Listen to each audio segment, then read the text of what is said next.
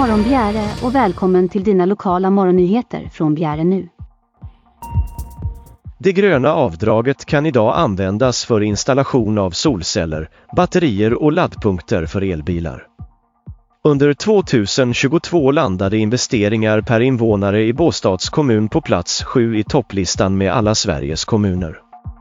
Svensk Solenergi har undersökt vilka som sökte gröna avdraget både på läns och kommunnivå och konstaterar i sin sammanställning att Skåne ligger på nionde plats medan grannen Halland toppar listan.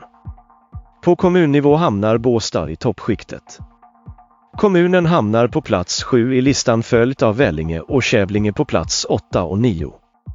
Grannen Laholm hamnar på plats 10 över kommuner där invånare investerar och omställningen till grön teknik går snabbt. Sedan ett par år tillbaka finns det ett etablerat vargrevir på Linderödsåsen i Skåne. Nu tror Länsstyrelsen att ytterligare två revir håller på att etableras i länet.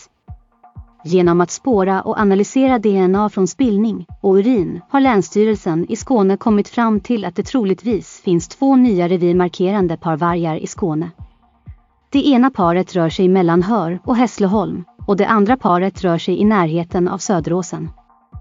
Hanen som rör sig mellan Hör och Hässleholm härstammar från Gåsmyren i Västmanland och hanen i paret vid Söderåsen kommer från Sjundareviret i Södermanland. Tikarnas ursprung är inte fastställt och Länsstyrelsen vill därför uppmana allmänheten att höra av sig om de har tips om vargspillning eller foton och filmer av vargar som rör sig i länet, skriver Länsstyrelsen på sin hemsida. Idag är det runt 220 elever som går på de olika programmen på den privata stiftelsedrivna gymnasieskolan Apelryd i utkanten av Båstad. Det aktuella antalet elever är ganska lagom enligt skolledningen. Det blir runt 75 elever per årskurs, säger Andreas Karlsson, som är skolchef på Apelrydsskolan. När de preliminära ansökningarna till höstens utbildningar inkommit visade det sig att skolan fått rekordmånga förstahandsansökningar. Största antalet ansökningar sedan skolan startade 1994 enligt biträdande rektor Thomas Karlsson. Skolan kan och har inte som ambition att växa för mycket och det går inte att ta emot någon större ökning av elever.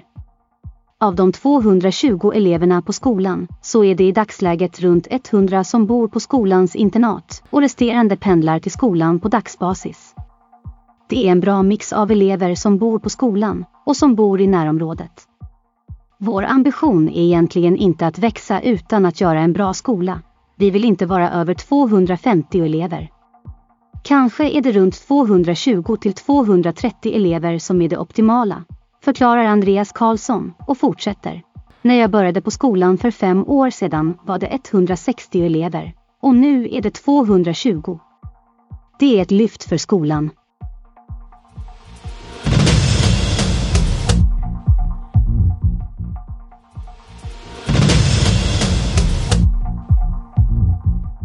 Efter en kall natt inleds dagen med minusgrader. Under förmiddagen går dock temperaturen upp och stannar runt 5 grader efter lunch. Dagen blir klar och solen kommer att värma trots de kyliga graderna.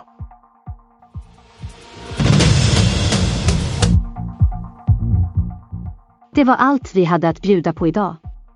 Missa inte våra dagliga nyheter på bjärenu.se.